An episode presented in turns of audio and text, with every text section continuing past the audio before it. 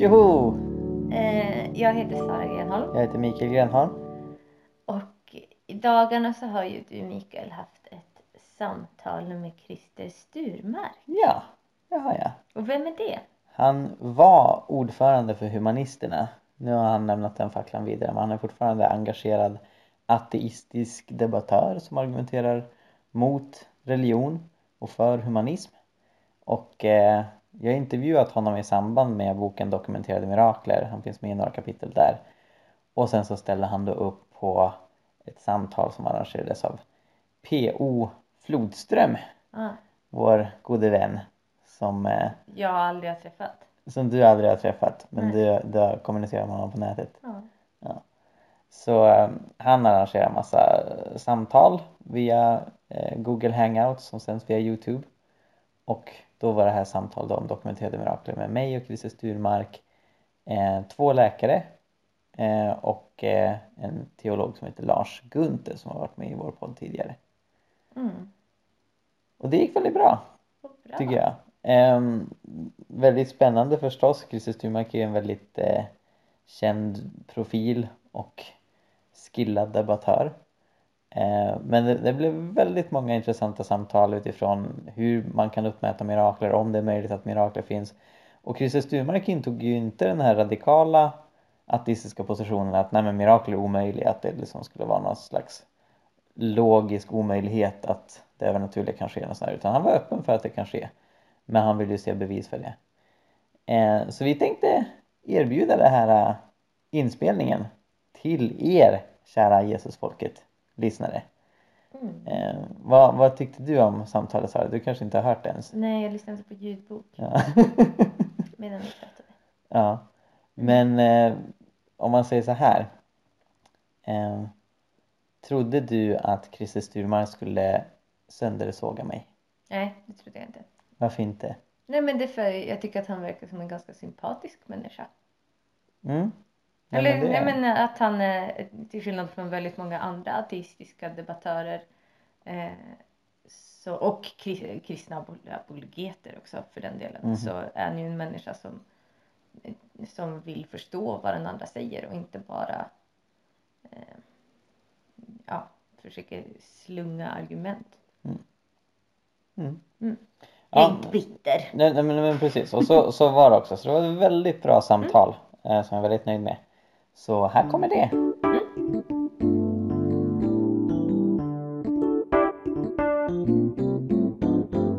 och önskar er varmt välkomna till ett avsnitt av PK Live. Ni som såg vårt förra avsnitt, ett samtal mellan Mikael Grenholm och Lars Gunther, kanske kommer ihåg att vi pratade om dokumenterade mirakler och eh, teodicéproblemet. Alltså varför eh, Gud bara helar ibland och varför han eventuellt i så fall tillåter lidande. Idag så kommer vi att eh, föra diskussionen på en mer elementär nivå. Vi kommer att diskutera ifall mirakel ens är, är möjligt. Är det sannolikt att det finns en kraft utanför den värld vi kan undersöka med den naturvetenskapliga metoden eh, och som kan gå in och påverka i det här systemet. Och med oss idag har vi förutom eh, själva huvudpersonen Mikael Grenholm, författaren och mosaikpastorn, en hedersgäst i form av Christer Sturemark. Det är vi väldigt tacksamma över att du ville ta dig tid att hänga med oss här på Kristi himmelfärdsdagen. Tack för att jag får vara med. Du är tidigare förbundsordförande för förbundet Humanisterna och numera är du vad heter det, förlagschef eller vad ska man kalla det? Ja, förlagschef, bokförläggare, vd på Ja, för Fri Tanke. Just det. Eh, Det är ett bokförlag som jag kan rekommendera även för dig som tittar på det här och är kristen. För det finns många intressanta böcker. Eh, som de, jag har läst en bok som handlade om eh, islam, tror jag det var. Och om hur olika rörelser inom Mm. islam, sekularisering och reformation och så. så att, jag, brukar, jag brukar uppmuntra alla människor att ta del av motståndarens eh, bästa argument och mycket av det kan vi som kristna hitta i eh, Fri Tankes eh, utbud. Och till sekulära humanister som tittar så vill jag ju samtidigt såklart eh, rekommendera Apologia förlag. eh, som eh, tillhandahåller motsatsen då för sekulärhumanister. Era motståndares bästa argument i form av svensk eh, apologetik. Eh, Får jag, Ja. får jag säga en sak om detta? För det kan vara bra att veta bara för er att eh, Fri Tankeförlag har ingen koppling till humanisterna utan vi är ju ett allmän facklitterärt förlag. Så vi är ju ett samhällsfacklitteratur och, och vetenskapsfacklitteratur. Så, att, så vi, de allra flesta böckerna vi ger ut har ingenting med sådana här saker att göra. Eh, bara så att, så att vi gör det. Fritanke är ju liksom mitt, mitt yrke medan humanisterna var mitt ideella fritidsengagemang. Men i övrigt finns det ingen koppling mellan de två verksamheterna. Mm. Yes. Och eh, sen ska vi välkomna Lars Gunther, ekumeniepastorn. Du har en bakgrund inom Svenska Missionsförbundet. Eh, jag tänker mig att du kan eh, väl vara, få ses lite som en, vår expertkommentator här utifrån de pastorala perspektiven ifall vi kommer in på THDC igen här. Eh, och att du har en liten annan teologisk bakgrund än eh, mig, Mikael och eh, både Pekka och Sofia.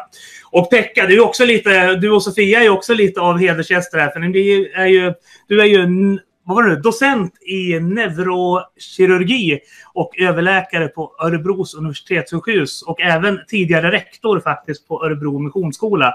Eller om det hette Örebro teologiska högskola på din tid. Jag började ju när du hade lämnat över det här till... eh, Åh shit, nu fick jag hjärnstillestånd.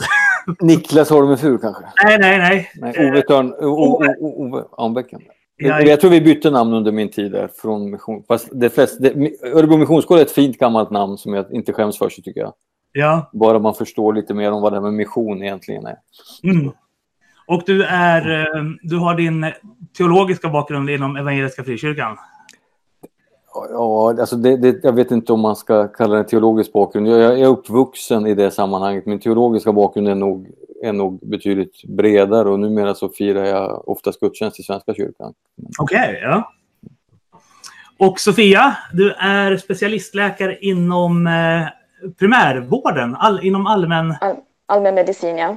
Ja. Ja, ehm, Och vi lärde känna varandra på Petrusakademin som är tidningen Dagen, Pingstförenade församlingar i samverkan och Kaggeholm folkhögskola gemensamma, vad ska man säga, opinionsutbildarutbildning, influencersutbildning. Eh, yes. Men eh, Sofia, vill du berätta någonting om din teologiska bakgrund bara så att vi har koll på vart alla har för grundpositioner? Ja, jag är uppvuxen inom baptistsamfundet i Finland, men just nu hör jag till en EFK-församling här i Västerås. Eh, Så, Yes. så är det finns med i församlingsledningen där. Ja. Eh, jag tänkte säga till er tittare också, egentligen ska Tommy Metenen och och eh, Henning Larsson Möller vara med också. Så att eh, vi hade haft en bättre balans här mellan de olika livsåskådningarna, världsåskådningarna. Henning har jag inte fått tag på och eh, Tom har jag försökt väcka en gång i kvarten sedan klockan nio. Eh, kvart över, då var han på väg upp. Sen så när jag vände ryggen om och började gå upp för trappen, då hörde jag hur han sjönk tillbaka igen. Eh, så vi får se. Han kanske dyker upp. Eh, vi har ju ungefär 80 minuter på oss här på förmiddagen. Men jag tänkte att vad tror ni om det här upplägget att Mikael börjar med att bara kort sammanfatta sin bok och den tes du driver eh, och sen får Christer opponera på den. Och sen så kan ni ha ett litet replikskifte i ungefär kanske 30 minuter. Och sen kommer ni andra in med kommentarer och vi har en mer fri, ett fritt samtal. Det låter jättebra. Bra. Eh, Och eh, som sagt, jag tänker mig att eh, Christer kommer få lite mer tid än ni andra eftersom han, det föll sig som nu att han blev själv att företräda sin position. Så vi liksom får balans där i alla fall. Ja, det låter bra. Yes. Men Mikael, vill du börja? Absolut. Eh, så Dokumenterade mirakler kom ju ut för inte alls länge sedan. Eh, den släpptes för bara två, tre veckor sedan någonting. Eh, det är en bok som jag arbetat på under ett år. Det är ett ämne som jag har tänkt på desto längre i flera år. Går det att verifiera, dokumentera att mirakler sker? Och det angreppssätt som jag använder mig av i boken är att jag utgår från något som man kallar för vetenskapligt oförklarliga tillfrisknanden efter bön. Och på grund av att jag återkommer till det så, må- så pass många gånger så har jag förkortat det till VOTEB. Så när jag säger voteb så menar jag tillfrisknanden efter bön som är vetenskapligt oförklarliga. Eh, och jag samlar ihop flera exempel på detta när läkare säger att här kan vi inte se en vetenskaplig förklaring till det tillfrisknande som har skett. Och det går också att se att det har skett i samband med eller efter bön. Eh, så jag har med ett gäng sådana exempel. Eh, och förutom de som jag har med, vilket är drygt 50, så pekar jag också på att det finns indikationer i bland annat eh, Vatikanens rigorösa system för att verifiera helanden eh, och även studier från USA som pekar på att det finns väldigt många voteb, eh, tusentals till och med. Eh, och, och det använder jag sen som plattform för att bygga ett filosofiskt argument för miraklers existens som jag då kallar för Voteb-argumentet för mirakler. Och det är själva kärnan i boken. Det är det som upptar störst textmassa så att säga. Efter jag har gjort klart det och då är vi inne i, i bokens slut. Då går jag vidare och diskuterar, okej okay, om vi ser att mirakler finns, hur kan vi då säga att Gud finns? Hur vet vi vilken religion som är rätt? Så det, det kommer en del följdfrågor som jag kallar för att orientera sig i en mirakulös värld. Men det jag tänker är mest relevant att diskutera här, det är just själva frågan om mirakler finns. Eh, så jag kommer nog skjuta följdfrågorna till, till ett annat samtal. Inte bara att jag liksom tycker det är oviktigt, men det kritiska är just, går det att säga rationellt att mirakler finns? Eh, och det jag gör då är att jag ger många exempel på olika sorters voteb. Eh, så det handlar om eh, blinda eller synskadade som kan se klart igen, döva hörselskadade som kan höra. Eh, jag har med en hjärnskada från en fotbollsspelare uppe i Umeå. En man som insjuknade i ALS och blev frisk från det och det går ju inte. Och hans läkare har inte tagit bort eller liksom ändrat den ursprungliga diagnosen utan de menar att här, här har det skett ett tillfrisknande som vi inte kan förklara fall av cancer, många olika fall. Eh, och efter då att ha dokumenterat dem så går jag in i en diskussion med eh, vad, vad är sannolikheten att det här rör sig om mirakler? Först argumenterar jag emot idén att mirakler är omöjliga. Det har gjorts försök att visa det eh, av bland annat Voltaire på 1700-talet. Ingmar Hedenius argumenterar för det i, i tro och vetande. Och jag tycker inte att den argumentationen håller. Sen tar jag tag i David Humes argumentation som åtminstone ofta tolkas som en argumentation som försöker visa att mirakler är så pass osannolika att vi aldrig ska tro att de har skett.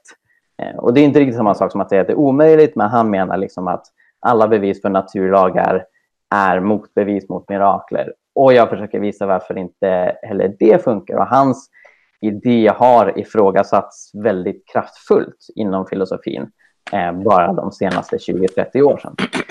Eh, så, så jag, jag, jag, diskuterar det här och sen så landar jag i att i, i grund och botten, man kan även utesluta placebo för när en läkare säger att det här finns ingen förklaring till, då har man redan liksom lagt placebo åt sidan och placeboeffekten är ganska begränsad.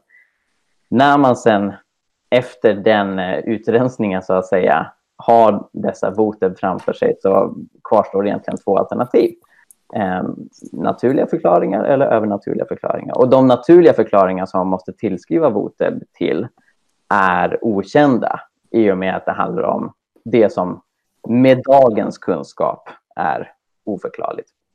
Eh, och det är ju det många naturalister gör, som man säger att vi kommer hitta det här i framtiden, vetenskapen under utveckling. Kanske är det så att vi aldrig kommer förstå den naturliga orsaken till vad som har hänt, men det finns en naturlig orsak ändå. Och det är det man ofta uttrycker med att säga att det måste finnas en naturlig förklaring. Och min enkla tes är att även om det är teoretiskt möjligt så är det väldigt osannolikt. Eh, just för att det finns en hel del voteb, de ser väldigt olika ut.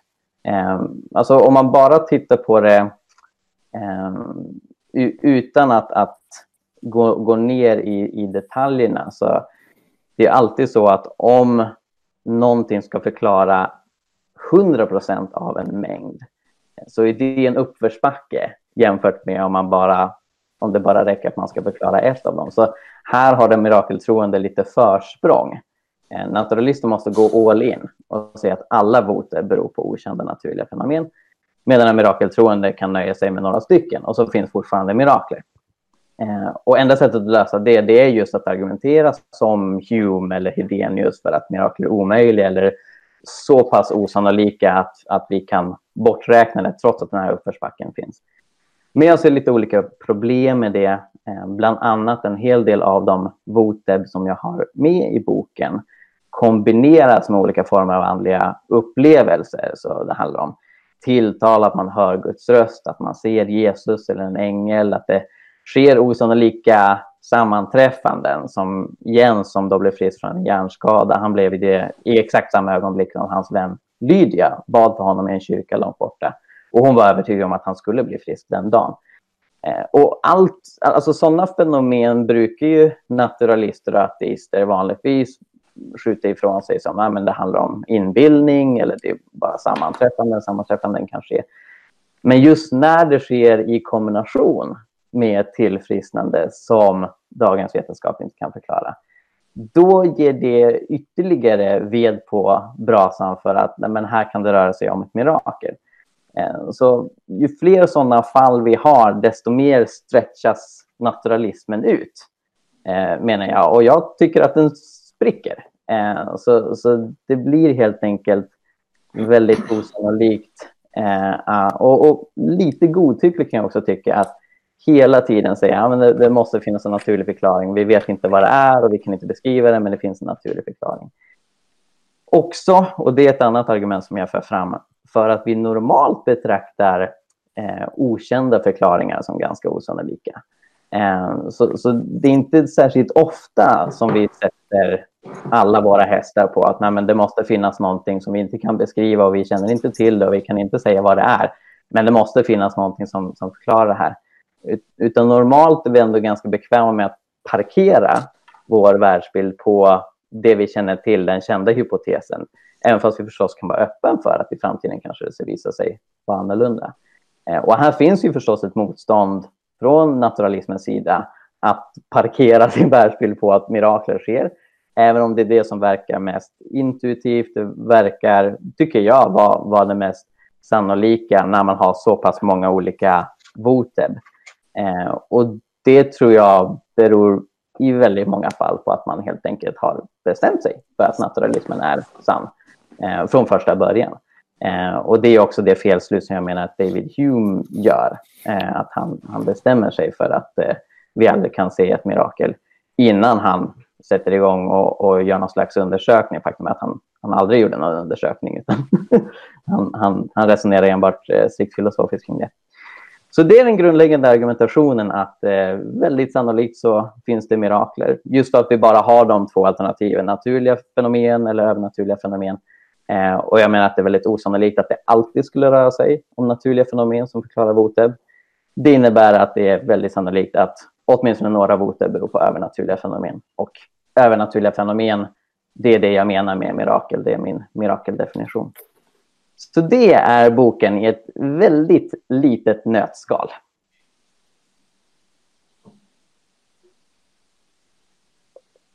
Christer?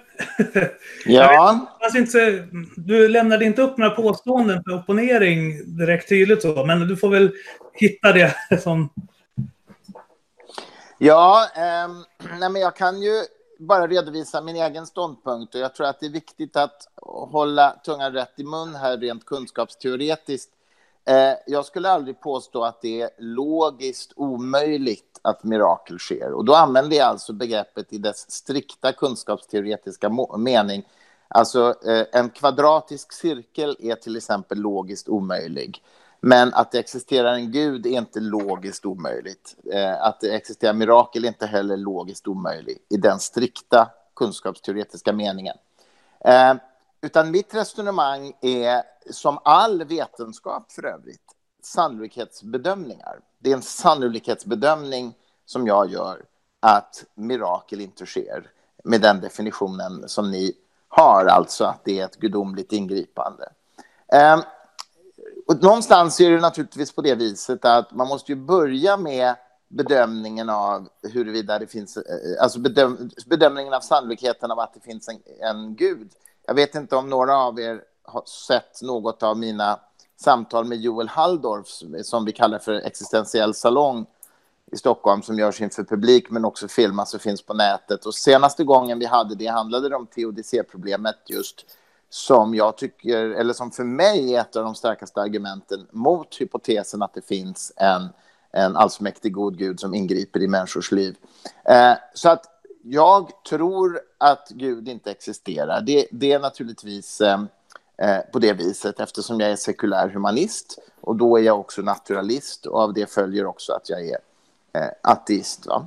Eh, när det gäller mirakel så, eh, så, så, är det givetvis på det viset att det finns väldigt mycket vi inte känner till inom medicinen. Alla som kan någonting om medicin vet ju att det är ett område där väldigt mycket fortfarande är oklart, outforskat. Det finns till och med massor med mediciner som vi vet fungerar, men vi vet inte varför de fungerar. Därför att vår kunskap om människokroppen och hjärnan är fortfarande ganska begränsad helt enkelt. Um, vi vet mycket mer om, om, om, teoretisk fysik än vad vi gör om människokroppen eller, eller, eller hjärnan. Så i slutändan så handlar det här för mig inte om att jag har bestämt mig för naturalismen eh, i den meningen som, som Mikael eh, säger att det liksom är en förutsättning som hela resonemanget bygger på, utan det är en sannolikhetsbedömning. Jag tycker det rimligaste är att det finns andra naturalistiska förklaringar till påstådda mirakel. Och de kan ju naturligtvis delas in i två kategorier. Det ena är ju att det finns en massa berättelser som inte nödvändigtvis behöver vara sanna eller kan vara överdrivna eller kan vara eh, så att säga vilseledande på något sätt. Och det kan ju naturligtvis inte jag bedöma i ett varje enskilt fall, utan min poäng är bara att det, det är teoretiskt möjligt att det är på det viset. Och det andra är ju att eh, eh, olika typer av skador på en människa kan eh, självreparera. Alltså en cancertumör kan tillbakabildas på naturlig väg till exempel. Det är ovanligt, det är osannolikt, men det är inte logiskt omöjligt. Precis på samma sätt. Eh, så att min naturalistiska uppfattning om mirakel, det vill säga att mirakel inte existerar, bygger alltså på ett sannolikhetsresonemang. Och det är därför jag säger att jag är den första att ändra min uppfattning om jag skulle se evidens som jag tycker var trovärdiga. Jag har inget behov av att hålla fast vid en uppfattning eh, där det finns eh, starka argument som talar mot min uppfattning. Det ligger i, faktiskt i den sekulärhumanistiska grundhållningen att alltid vara öppen för ny kunskap, nya fakta, nya belägg och så vidare. Så jag är den första som skulle göra det. Jag, jag minns att jag för många år sedan slog vad eh, med en kristen eh, eh, apologet om... Eh, jag sa att om jag får se ett amputerat ben växa ut under bön så kommer jag att avgå som ordförande i Humanisterna med omedelbar verkan. Men jag har inte sett det än. Och eh, om det vore så att det fanns en gud som kan ingripa på det här viset, hur kommer det sig att Gud ingriper i sjukdomar som är inte lika enkla att vidimera, så att säga, lika enkla för oss utomstående att se. Till exempel ett amputerat ben eller en, vad ska vi säga, neurosedynskadad kroppsdel som plötsligt återbildas och blir normal. Det skulle ju vara ett väldigt enkelt sätt för Gud att visa att det här verkligen funkar. Och tro mig, jag skulle ändra uppfattning om jag såg det. Mm. Jättebra. Nu är tanken att jag får ge respons, va, P.O.? Ja, va? Privilegierat. en så stor skara människor. Ja, men jättebra. Alltså, jag uppskattar verkligen den inställning som du har, Christer. Och det märkte jag redan när vi hade mm. vår intervju i, i samband med boken, att, att du är öppen. Eh, och, och, det är jätteroligt att, att se. Eh, och jag tror precis som du att det handlar om en sannolikhetsbedömning. Och, mm. och i mm. den bemärkelsen så är jag lite modest också i mitt påstående jag hävdar inte att alla voteb definitivt är mirakler. Utan jag är också öppen för att det kan finnas som sagt okända naturliga fenomen som vi kanske kommer upptäcka i framtiden eller som vi aldrig upptäcker som förklarar det här. Mm. Utan min enkla tes är helt enkelt att det är väldigt osannolikt att det alltid skulle vara så. Och det behöver ju alltid vara så för att naturalismen ska vara sann. Eh, och de här två anledningarna som du nämner då, att berättelser kan vara osanna, överdrivna. Precis som du säger, det behöver inte ens vara intentionen hos den som berättar. Men Nej. det blir som fiskehistorier, det växer. Mm. Eh, och, och, och det är definitivt en risk som jag också har sett i mitt kristna liv att det ibland sker. Eh, och det är det jag försökte reducera med den metod som jag använder mig av, att jag lyssnar så pass starkt på vad läkarna säger. Ehm, jag utgår från läkarjournaler, läkarutlåtanden och har dessutom låtit några läkare titta på det här materialet och ge en second opinion. Ehm, och, och vissa har, har vissa fall har rensats bort av den anledningen. Pekka till exempel har an, anmärkt det på en eller två stycken. Så, nej, men det, det där verkar inte vara trovärdigt, så tog jag bort det.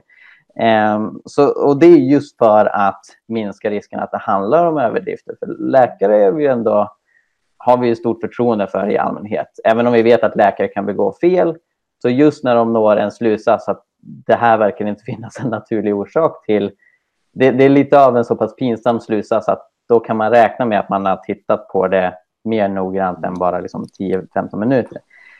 Um, så, så den risken är ganska låg när det gäller just de fall som finns med i boken. Uh, och sen tar jag upp också det här med självläkning eller spontan remission. Och nu är jag ju inte läkare själv, men jag har försökt gå till den bästa litteraturen på området för att förstå ungefär vad det handlar om med spontanremission, med placebo och så vidare. Eh, och som jag har förstått det så de allra flesta fall när läkare kommer fram till att det rör om spontanremission så vet man inte vad som har hänt. Så när, när man säger att det här handlar om självläkning så kan man inte uppge hur det skulle ha gått till och man kan inte ens vara säker på liksom, att, att, det var det det handlade om. Eh, utan som jag har förstått det så handlar spontanremission i de allra flesta fall om att det är oförklarligt. Eh, och så erbjuder man självläkning som förklaring för att man åtminstone är säker på att det här handlar inte med vår vård att göra. Så det beror inte på medicinering eller liknande. Utan kroppen blev frisk, eh, cancern försvann eller vad det nu handlar om. Eh, utan att vi gjorde någonting. Och då tillskriver man det till kroppen. Och jag skulle ju säga att det i väldigt många fall eh, beror på att läkarvetenskapen, lik den absolut mest annan vetenskap, använder sig av metodologisk naturalism. Vilket innebär att man räknar bort övernaturliga förklaringar redan från början. Eh, alltså, oberoende vad det finns för argument och skäl och så vidare, man, man har liksom uteslutit det från första början för att man vill hitta naturliga förklaringar hela tiden. Eh, Så utifrån min förståelse, och jag är väldigt nyfiken också på vad, vad Pekka och Sofia har kommenterat angående detta, eh, så handlar spontanremission eh, väldigt många gånger om oförklarliga tillfrisknanden. Vilket gör att de fortfarande hamnar i VOTEB-kategorin. Alltså spontanremission kan i många fall inte erbjuda en förklaring på det sättet till ett VOTEB.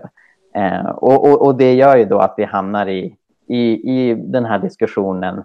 Vad är mest sannolikt att VOTEB alltid beror på naturliga fenomen som vi inte upptäckt än? Eller att åtminstone vissa beror på eh, mirakulösa bönesvar. Och sen när det gäller eh, det här med amputerade kroppsdelar som växer ut så vill jag också hemskt gärna se det förstås. Eh, och, och det är en utmaning som jag har riktats gentemot karismatisk kristendom som betonar helande eh, i väldigt många år. Eh, Marshall Brain lanserar ju hemsidan och e-boken Why does God hate amputees?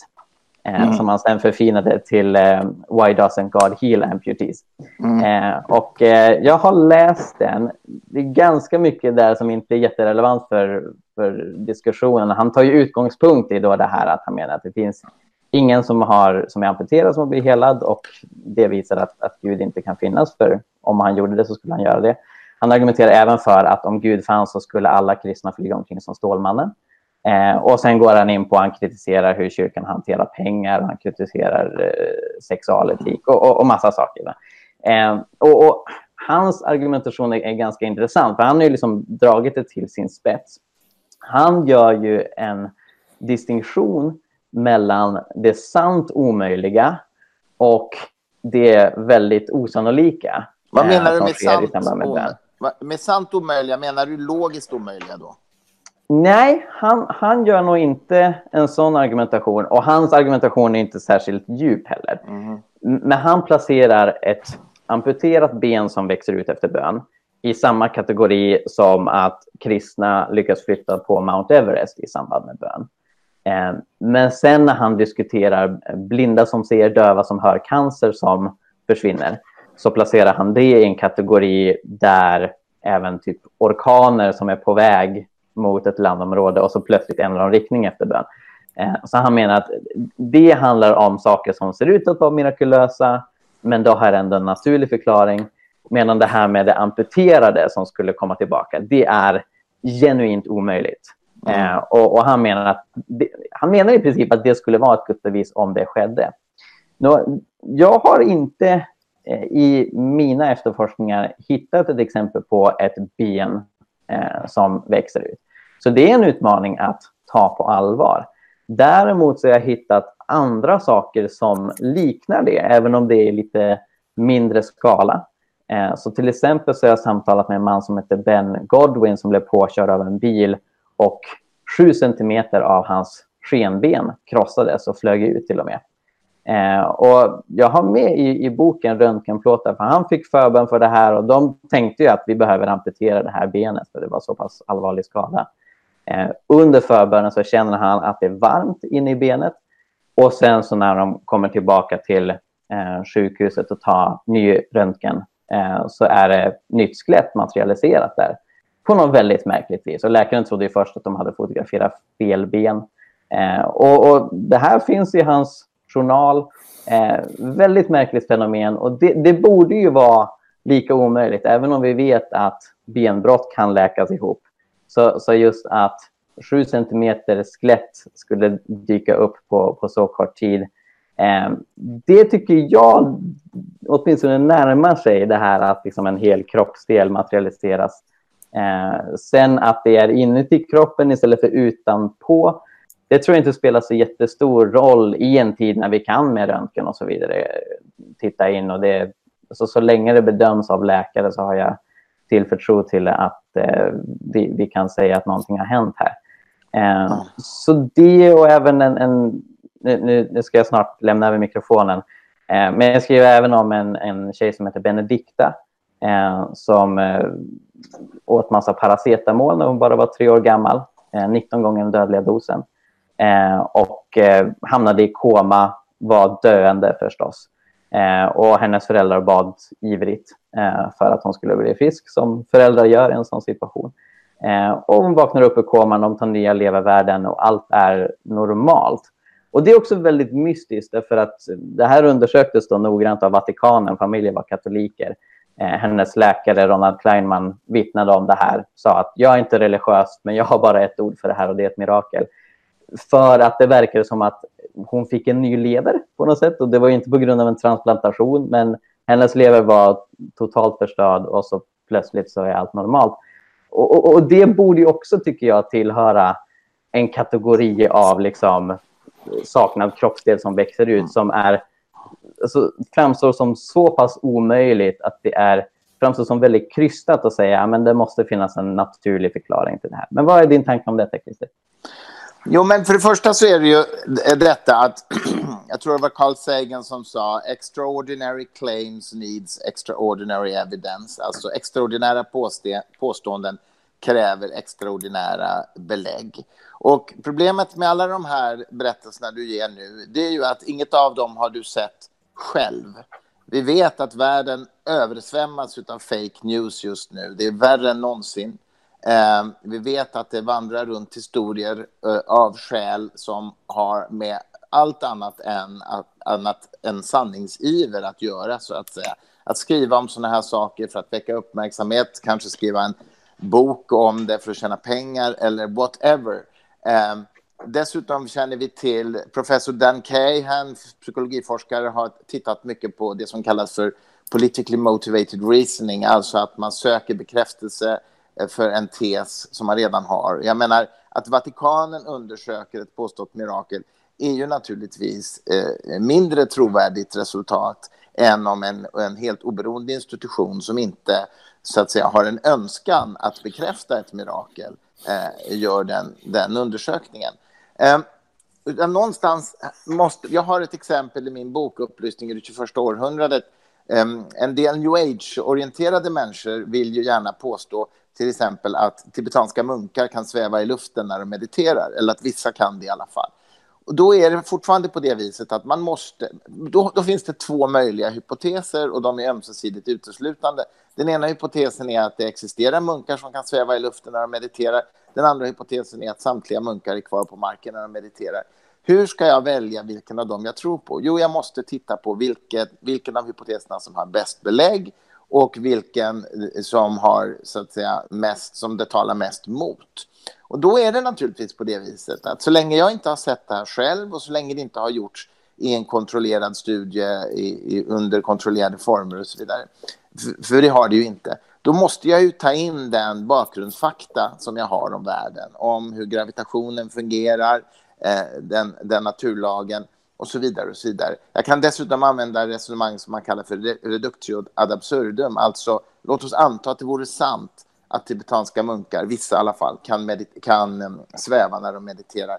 Det skulle vara en, ett, ett, gen, en kunskapsgenombrott som skulle rendera Nobelpriset i fysik, garanterat, Eh, om det kunde dokumenteras. Och eh, det har inte skett. Så att, att det då finns människor som berättar att de har sett tibetanska munkar som svävar i luften när de mediterar, det är väldigt lättviktigt argument mot eh, de andra argument som jag just nu anförde eh, mot den hypotesen. Och då landar jag i den sannolikhetsbedömningen att samtliga munkar är kvar på marken när de mediterar. Det är fortfarande så att det är inte en logisk omöjlighet att tibetanska munkar kan sväva i luften när de mediterar. Alltså logisk i den kunskapsteoretiskt strikta meningen. Däremot vore det ett brott mot våra kända naturlagar, men det är en annan sak. Och, och, och, på samma sätt måste jag resonera kring de här eh, berättelserna som du just läste upp. Okej. Okay. Eh, får jag till replikskifte, P.O.? Ja, absolut. Ni har fem minuter till innan vi släpper in de andra. Fem minuter till. Ja, men strålande. Eh, jag är lite förvånad, eh, Christer, att, att du tar den inriktningen nu. Eh, därför att som sagt, jag har ändå varit noggrann med att utgå från det läkare säger i det material som jag presenterar i boken.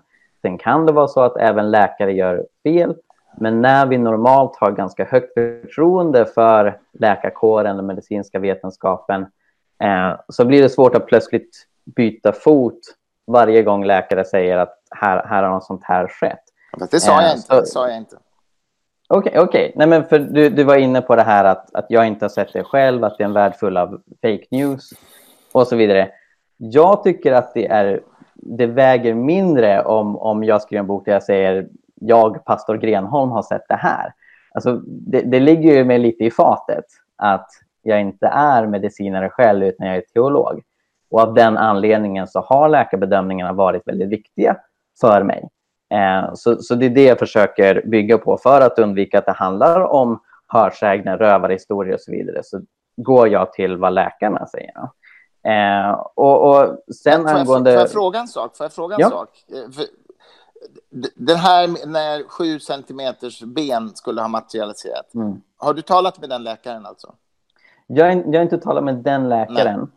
Eh, utan det jag har gjort är att, och det gäller de flesta internationella fall mm. som jag har med, så har jag utgått från andra akademiker. Så det här är en eh, professor som heter Craig Keener Mm. eh, som har med det fallet i sin bok och han har talat personligen med läkaren. Mm. Men det är ju precis det här som är min poäng.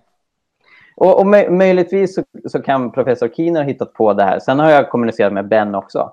Eh, däremot när det gäller de svenska fallen som jag har med, då har jag själv utgått från, från vad läkarna säger. Och, och, och, det är främst egentligen av tidsskäl. För att Keener och en annan professor som heter Candy Gunther Brown och en läkare som heter Richard Castorf de har gjort det här eh, redan, så jag har inte velat liksom, eh, uppfinna hjulet på nytt. Men det är möjligt, jag kanske borde ha varit ännu noggrannare och själv gå till alla primärkällor. Det, det, det är en bra poäng.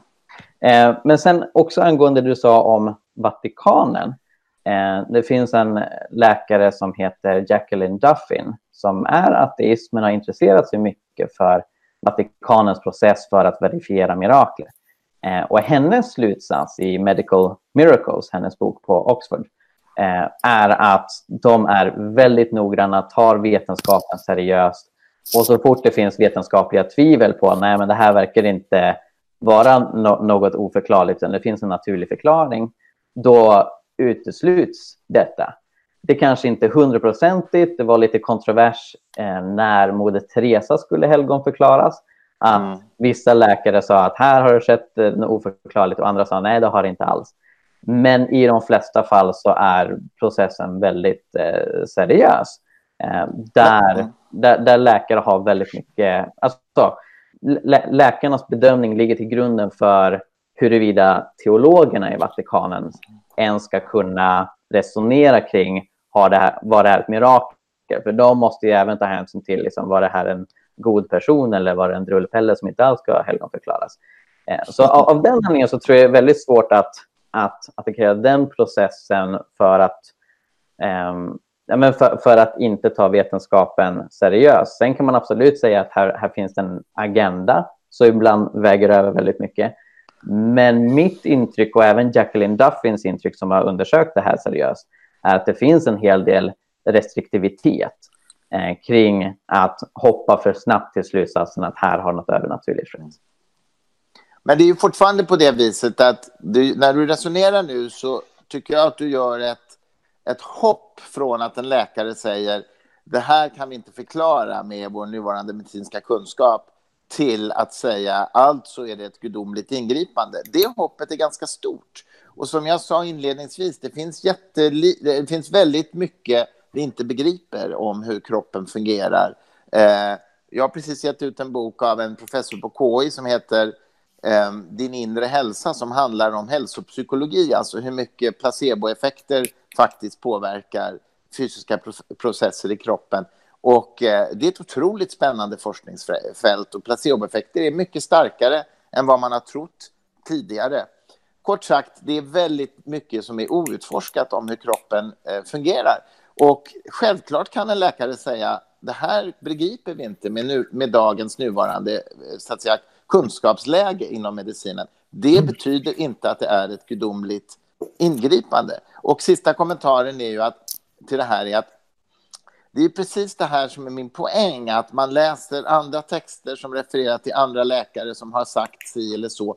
Vi har ingen aning om hur den filtreringsprocessen har sett ut, så att säga, utav de påståendena innan de når dig eller mig när vi, när vi läser detta. Om det vore så att mirakel inom medicinen var relativt vanligt förekommande, jag vet inte hur vanligt du skulle säga att det är, men i alla fall att det förekom upprepade gånger, då skulle ju den medicinska forskningslitteraturen vara full av sådana exempel. Det är den ju inte. Den medicinska forskningslitteraturen innehåller inga sådana exempel.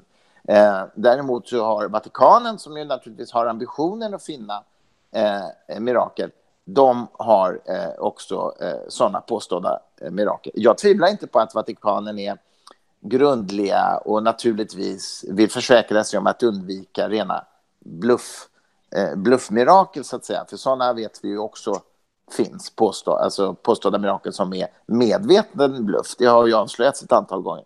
Så jag förstår, jag håller med om att Vatikanen, eller jag tror att Vatikanen är noggranna. Det betyder inte att de har rätt. Får jag, får jag nämna två korta saker? och Lars. jag vet Sofia, vill du börja? Eh, ja, alltså jag... Intressant, eh, intressant diskussion. Så jag, eh, alltså jag kan hålla med eh, Christer om att ja, men det är väldigt mycket inom medicinen, alltså vi eh, som, som är väldigt oförklarat och det är väldigt mycket som vi inte förstår. Mm. Eh, det, Eh, det, det, ser jag dagligen och det, alltså det, det är så mycket eh, och där, alltså det finns så mycket outforskade områden och det samtidigt så, så kan jag eh, utifrån min kristna tro ändå så, har, så tror jag ju att, att det kan finnas mirakler. Men jag har en fråga till Mikael där. Alltså hur har du eh, de här fallen som du har med i boken, hur har du fått fram dem? Alltså hur, hur har du hittat dem? Eh, jag har tyvärr inte hunnit läsa din bok, det kanske står där, men hur, hur, hur alltså, det tycker jag är ganska intressant att veta hur, Mm. hur ja. Ja, men absolut. Eh, kan jag kort bara förtydliga en grej utifrån det Christer sa och sen så gå in på din fråga Sofia.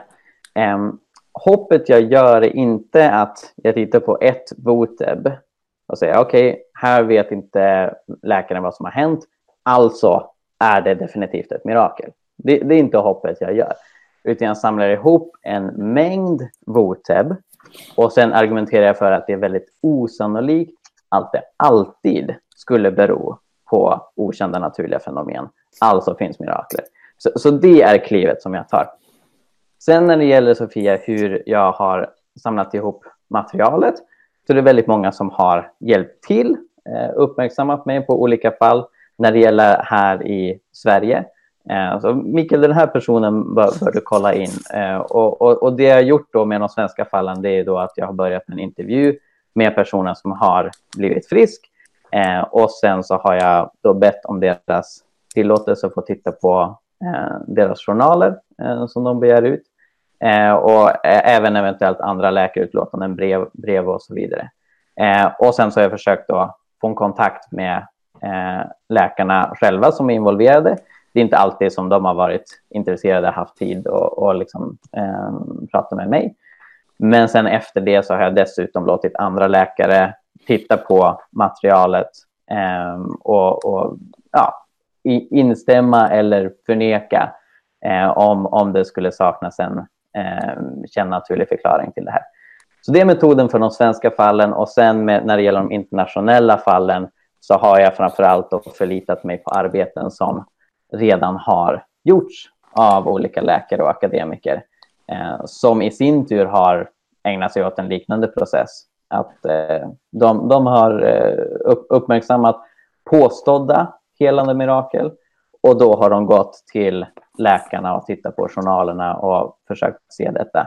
Eh, skriver även om en studie som gjordes i Mosambik eh, med Candy Gunther Brown och eh, läkare som undersökte synnedsatta och hörselnedsatta på plats när de fick förbön av ett missionärsteam och uppmätte förändringar där. Eh, så, så det är några av de fall som finns med i boken. Christer vill ha replik innan Pekka kommer in. Ja, eller ställa en fråga rättare sagt. Skulle du resonera sam på samma sätt kring eh, tibetanska munkar som leviterar? Alltså det finns ju massor med berättelser om, om detta i new age-litteraturen och människor som har påstått sig se det, eller indiska gurus eh, som man har varit på ashrams i Indien och så vidare. Det finns massor av berättelser. Skulle du resonera på samma sätt att eh, många av de där kanske är påhittade eller, eller liksom missuppfattade eller, eller illusioner, så här. men det är osannolikt att alla är det. Skulle du resonera på samma sätt? Micke, du kan fundera på svaret medan Pekka kommer in. Okej. Okay. Okej. Eh, om, om jag får eh, ha två inhopp eller, eh, eh, så, så skulle jag vilja börja med att egentligen, inte minst för att Christer är så ensam, att liksom uttrycka mitt stöd för hans position. Jag trodde, och sen i mitt andra i så fall inlägg eh, förklara varför jag ändå eh, tror att Mikael har en poäng. Eh, jag trodde att PO kanske skulle starta med att fråga en sån här enkel ja och nej-fråga. Tror du på mirakel? Som de kör i vissa radioprogram. Då, då hade jag tänkt, att ska jag svara ja men. Och ja med liten bokstav och utan utropstecken och men med stora bokstäver. Eh, det, det, det, är absolut så att, att det finns mängder av exempel på, på naturliga tillfrisknanden, på cykliska sjukdomsförlopp. Eh, och, och det finns allt mer kunskap också om inte minst sambandet mellan, mellan alltså immunförsvar, immunsystem och mentala processer. Och en del av det som, en del av det som, som, som Christer är ute efter, tänker jag, vi kommer, eh, om, om, om naturliga förklaringar och så där, kommer, kommer delvis att hamna i, i, i, i det fältet någonstans. Eh, det, det, är också så, och, och, det är ju ett, det är ju ett bekymmer naturligtvis, att, att det finns så många exempel på eh, missbruk utav, eh, utav mirakelberättelser. Eh, ni har inte ens nämnt om det och det är ganska, vi ska inte fördjupa oss för mycket i det, men det finns ju så oerhört mycket geschäft i detta. Eh, och, och det, det, det, är ju en del utav problematiken som människor har att ta till sig det här. Eh, för mig är det också så att, att mirakelberättelser är inget gudsbevis. Eh, eh och där skulle jag vilja ställa en fråga till, till Mikael och också där. Eh, alltså, om man läste David Hume och hans, hans, de här kapitlet han ägnar i, i, i eh, An Inquiry on Human Understanding eh, eh om, om mirakel, så, så en, en poäng han, av hans argument är också att okej, okay, men mirakelberättelser finns ju också i andra religioner. Christer tar inte upp det när det gäller tibetanska munkar utan levitationen. Men alltså mirakelberättelser finns också i andra religioner. Mm. Och, och, och Humes argument är ju då att ja, det betyder att Gud inte, det här är någonting annat. Därför att hans utgångspunkt är att, att ändå en, en, en, en, en deistisk eh, gudsuppfattning där han ändå, hans utgångspunkt är att den, den, den, den, gud, den judeokristna guden existerar men som, som urmakaren. Sådär, va? Eh, och, och där, där, där där tänker jag att, att Mikael, eh, det var intressant att höra där hur du, hur du tänker kring, kring det faktum att den här typen av berättelser finns inom, helt, i, inom, i andra religioner. Eh, sen tänker jag återkomma till att, att, så att säga, kritisera Kristus position. Eh, eh, men, men jag skulle vilja börja med, med, med den här utgångspunkten. Mm. Ja, Mikael? Ja men fint, det, då verkar det som att både Christers fråga om tibetanska munkar och så din fråga Pekka om mirakelberättelser och andra religioner går in i varandra. Eh, det är, alltså, jag tycker Hume är jättekonstig på många sätt och han säger emot sig själv. Eh, han har ju precis den här tanken eh, att eh, mirakler i andra religioner skulle innebära att eh, kristendomen är falsk och inte bara det, det skulle innebära att Gud inte finns i, i, i princip, eller att Gud i vart fall inte skulle göra mirakler. Eh, och det är ett väldigt märkligt sätt att resonera, inte minst för att kristendomen förutsätter att det sker övernaturliga fenomen i andra sammanhang än de kristna. Eh, för det är det som berättelsen om att Jesus driver ut demoner går ut på. De här demonerna tillskrivs övernaturlig kraft. De existerar, de kan göra övernaturliga saker, men de är inte från Gud. Så tanken i, i Bibeln är ju inte att mirakler i en religionsneutral bemärkelse, alltså när det betyder övernaturliga fenomen, inte enbart sker inom kristendomen. Så, så på det sättet så kan jag inte riktigt se hur eh, naturalismen skulle hjälpas av att hitta lika väldokumenterade voteb eller andra oförklarliga fenomen i samband med andlighet inom shamanism eller tibetanbuddhism eller new age eller vad det nu kan vara. Och det håller jag med om, det håller jag med om Mikael. Eh, och min mm. fråga till dig är, är, är, ju snarare hur du... Jag har inte läst din bok, va? jag läste 30 mm. sidor gran, som du ville ha granskade. Eh, men du berättade att du, du leder resonemanget vidare till, till en, en sorts ett försök att, eller att, en vilja att bevisa eh, den kristna gudens existens. Men, men, men det är kanske inte är så du gör i boken?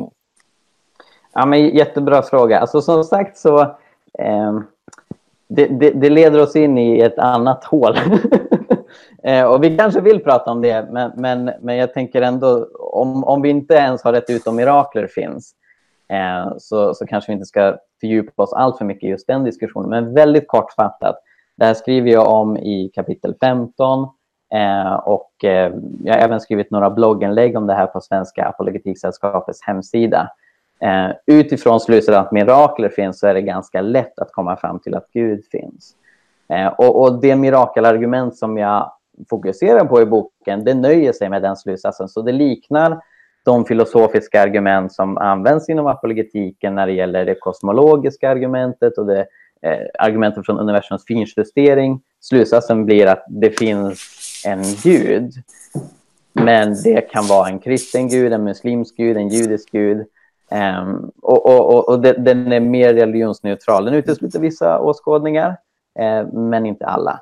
Okay. Eh, och, och, där nöjer jag mig. Sen så, så erbjuder jag i kapitel 16 en skiss för hur man möjligtvis skulle kunna utifrån mirakler som sker idag argumentera för att just kristendomen är sann. Men det är verkligen inget jag fördjupar i. Och sen så knyter jag förstås an till att om mitt argument för miraklers existens Eh, lyckas övertyga någon som tidigare inte har trott att mirakler finns, då behöver man till exempel titta på eh, den historiska argumentationen för Jesu uppståndelse på ett annat sätt. För det är väldigt vanligt att många avskriver den argumentationen och den debatten eh, för att man helt enkelt utesluter att det kan vara ett mirakel överhuvudtaget. Eh, så, så det, det, var väldigt kort om det. Och sen också kristen när det gäller de tibetanska munkarna och vittnesmålen. Eh, jag tar ju som sagt avstamp i expertutlåtanden eh, mer än vittnesmål, alltså berättelser, anekdoter om mirakler. Jag, jag vill ju gå steget längre och, och, gå till vad säger läkarna? Och, och det gör att liknelsen blir lite skev. Alltså det skulle ju snar, då snarare handla om att det finns väldigt många forskare som menar sig ha dokumenterat det här. Och då är frågan, vad, vad är mest sannolikt? Att de alla ljuger eller har fabricerat bevis eller att det skulle finnas en, en sanning här? Sen tror jag att det också går att argumentera utifrån vittnesmål. Och jag har ingen aning om hur vanligt det är att folk har sett leviterande munkar. Det jag vet är att det är väldigt, väldigt vanligt bland kristna att man hävdar sig eh, ha blivit helad eller sett ett helande. Eh, för då snackar vi om hundratals miljoner människor. Och det, det, finns studier som, som backar upp det. Och i och med att jag inte tycker att Humes resonemang funkar, han menar ju att vi aldrig ska tro på sådana här vittnesmål. Eh, hur många de än är, hur, hur många visa lärda män som än finns att backa upp dem, vi vi ska aldrig tro på det i och med att jag inte tycker att han funkar så tror jag att man kan argumentera utifrån att det finns tillräckligt många på ett liknande sätt. Det blir ganska osannolikt att det alltid skulle bero på att folk har missuppfattat, även om det är möjligt. Eh, men för att göra resonemanget starkare så är det inte vittnesmål och anekdoter som jag baserar mitt argument på, utan just vad läkarna säger. För då är det mer seriöst och finns det mer stadga bakom påståendena. Eh, och, och, och, det gör också att jag inte tror att det krävs lika många voteb för att argumentera för miraklers existens som det kanske krävs mirakelberättelse för att övertyga den som är skeptisk. Innan Christer får svara tänker jag att vi släpper in Lars också. var... Ja, nu hade ju Pekka en fråga till där till Mikael som jag kanske kortsluter då om jag kommer in nu. Men, eh, jag har ett par reflektioner, eh, säger jag, ganska många här framför mig. Eh, det första jag ska säga då är, finns det säga, vetenskapliga publikationer som innehåller sånt här? Ja, då finns det faktiskt ett växande fält inom antropologin. Och jag vet inte riktigt hur Christer ser på det som vetenskap. Men ett flertal antropologer, och där får vi också räkna in Candy Gunter Brown, hon är socialantropolog, det är så att säga hennes titel på Harvard University, har peer-reviewed artiklar i sina tidningar där de berättar om olika saker de är med på. Eh, säga, inom de folkgrupper de studerar. Och nu pratar alltså inte egentligen i första hand om kristna miljöer. Men eh, där det finns en hel del eh, säga, saker som de har börjat publicera och som tagit väldigt lång tid att få publicera för att det strider mot en, en gängse uppfattning. Alltså de har kommit hem med rapporter från sina forskningsresor och så har de sagt att det här kan inte jag berätta för någon för ingen kommer tro mig. Men så har det sakta liksom börjat då tippa över så att det numera finns faktiskt en del studier från framförallt antropologer om sådant här. Och då hamnar vi på den här teologiska frågan, alltså vad händer med kristendom kontra andra religioner? Och då ska jag bara säga att det klassiska kristna svaret är som Mikael har sagt, inte att bara Gud gör under. Det klassiska kristna svaret som du ser i Bibeln, som du ser i kyrkofäderna, som du ser hos medeltidens teologer och som du ser inom de teologer som är verksamma i pingstkarismatiska miljöer där jag och Mikael finns då idag, är att det finns fler krafter än Gud i tillvaron. Också för att använda sig av kyrkofader Basileios ord, sådana som är hyperkosmoi, alltså utanför världen. Det är liksom hans ord han använde på grekiska när han skrev det här på 400-talet. Och, och, förlåt, 300-talet. Eh, och Basileios han är liksom ett av de tyngsta namnen vi har i kyrkohistorien. Så att det här är utan tvekan alltså det, det klassiska kristna svaret. Och det innebär att när det gäller mirakelberättelser från andra sammanhang så är så att säga, det givna svaret från kristna, vi får utvärdera det case by case. Vi måste utvärdera säga, varje enskilt anspråk.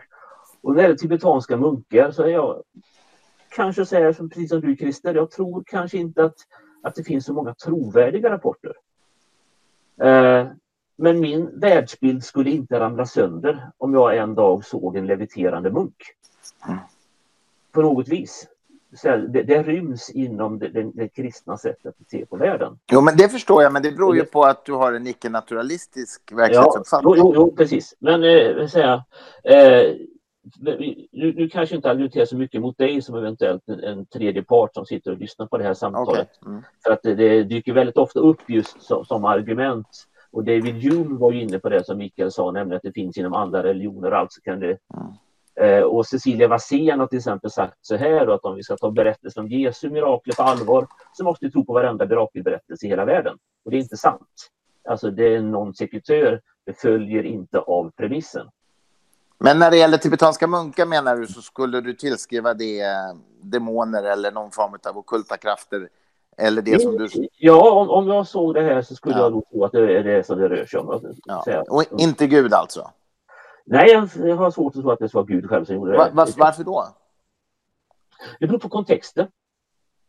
Eh, kontexten av, av att jag tror att... Eh, Fast om en- Gud kan hela en cancer så kan han väl fixa en leviterande munk? Det måste ju Ja, vara jo, men, men, ja, men alltså, återigen, nu, nu är vi på nästa steg. Okej. Alltså inte, inte om det kan hända, utan när någonting sånt här händer, vad är det som sker? Mm. Och återigen, den kristna traditionen är väldigt tydlig på det. Vi pratar om andebedömning, andlig urskiljning. Det är ett av de viktigaste orden som finns genom hela den kristna traditionen, att man ska skilja på vad som är Gud och vad som inte är Gud. Mm. Eh, och, och det finns ett antal olika säga, inslag i hur en urskiljning går till och det ska ta ganska lång tid att gå igenom och då ska vi lämna vårt område.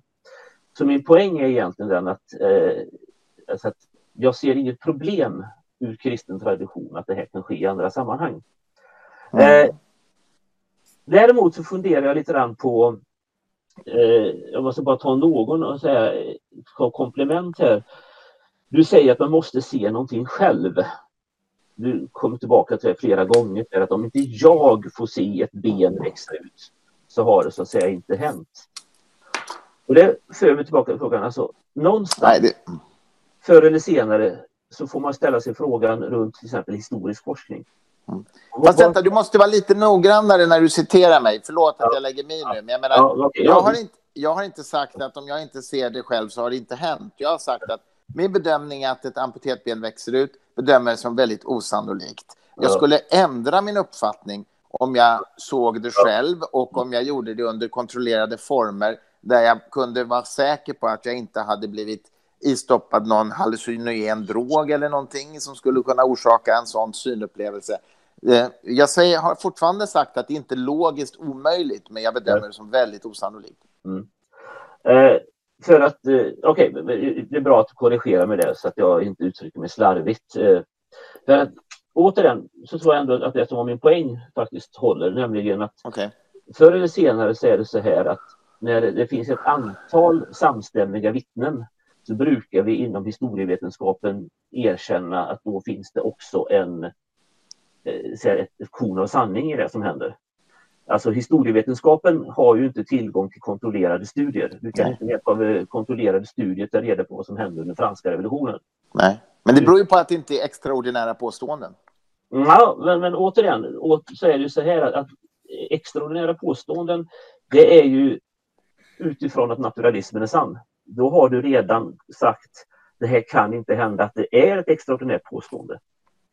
Men jag menar ju att det är ju en definition som du gör.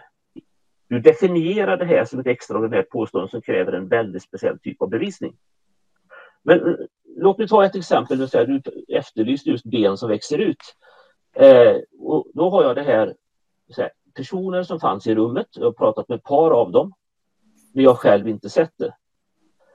1983 så var en person som jag har lärt mig väldigt mycket av, John Wimber, över i England och han var i en församling i St. Michael i Belfry i Sholewood, eller inte Sholewood utan i York.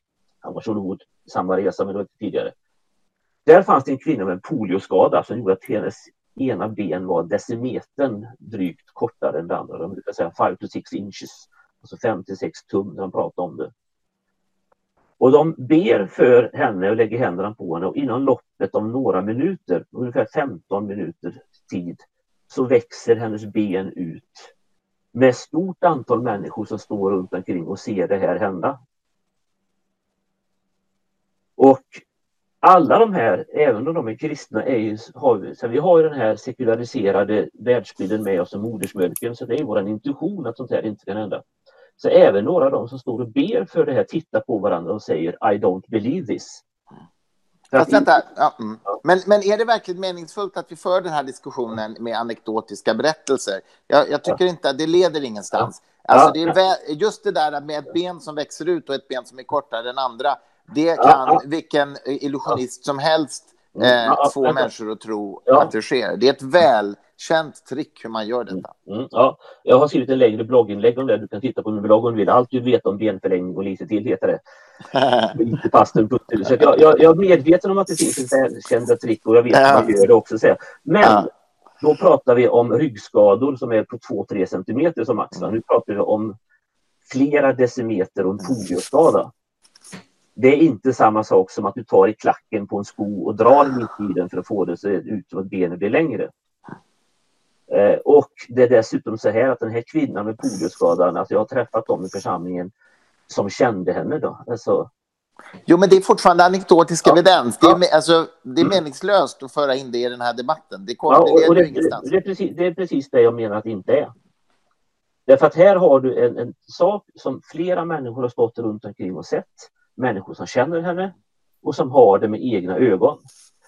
Eller om jag uttrycker det så här, du säger att om du skulle se en sån här sak så skulle du ändra åsikt. Ja, om, det, om det skedde under kontrollerade former, även jag kan ju bli lurad naturligtvis ja, ja. av en illusionist. Lika lätt som alla andra. Ja, jo, precis. Eh, så, men jag tycker analogin med historieforskning verkligen inte håller, därför att om du forskar på franska revolutionen så är det ju så att det finns Eh, det finns en historisk kontext. Det, den är inte, det, du gör inte några extraordinära påståenden utan du liksom utifrån skrifter och historisk kunskap beskriver vad gjorde olika personer och, och det är liksom it makes sense. Eh, om du påstår att Jesus gjorde ett mirakel så, är det, så strider det mot alla våra kända naturlagar, all vår kunskap om, om naturen. Det är fortfarande ett extraordinärt påstående. Även om, och jag understryker, det inte är logiskt omöjligt i strikt kunskapsteoretisk mening, så är det fortfarande så att det räcker inte att det beskrivs i några texter ehm, eh, som för länge sedan. Det, det räcker inte för att väga upp det osannolika i ett sådant mirakel eftersom det strider mot all kunskap vi har om naturen. Jag tänkte, ska vi släppa, Pekka hade en fråga direkt till Christer. Ska vi släppa in den? Ska, jag ska se om jag kan formulera den.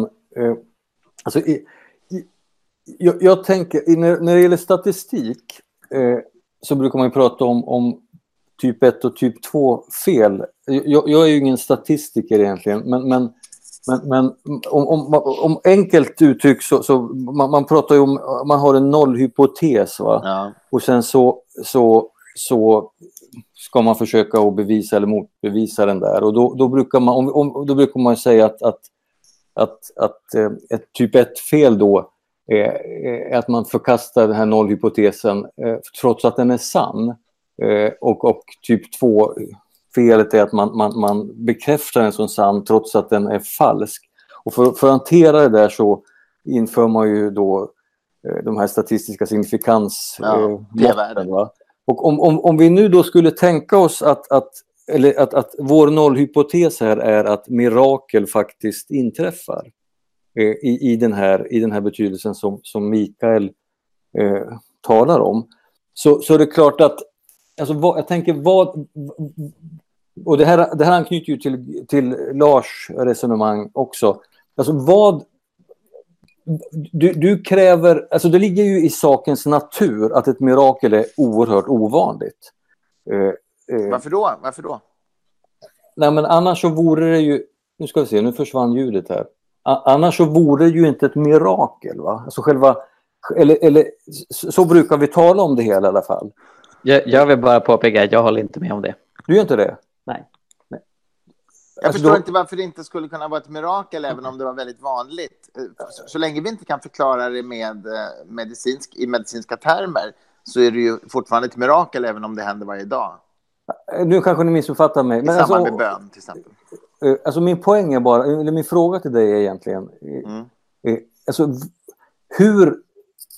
Egentligen skulle det ju räcka med ett verifierat mirakel för att, för att, för att eh, eh, din, din, för, för, att, för att bekräfta så att säga, vår nollhypotes. Och, och, där, och, och där du då eh, skulle ha gjort dig skyldig till ett sånt där typ 1-fel.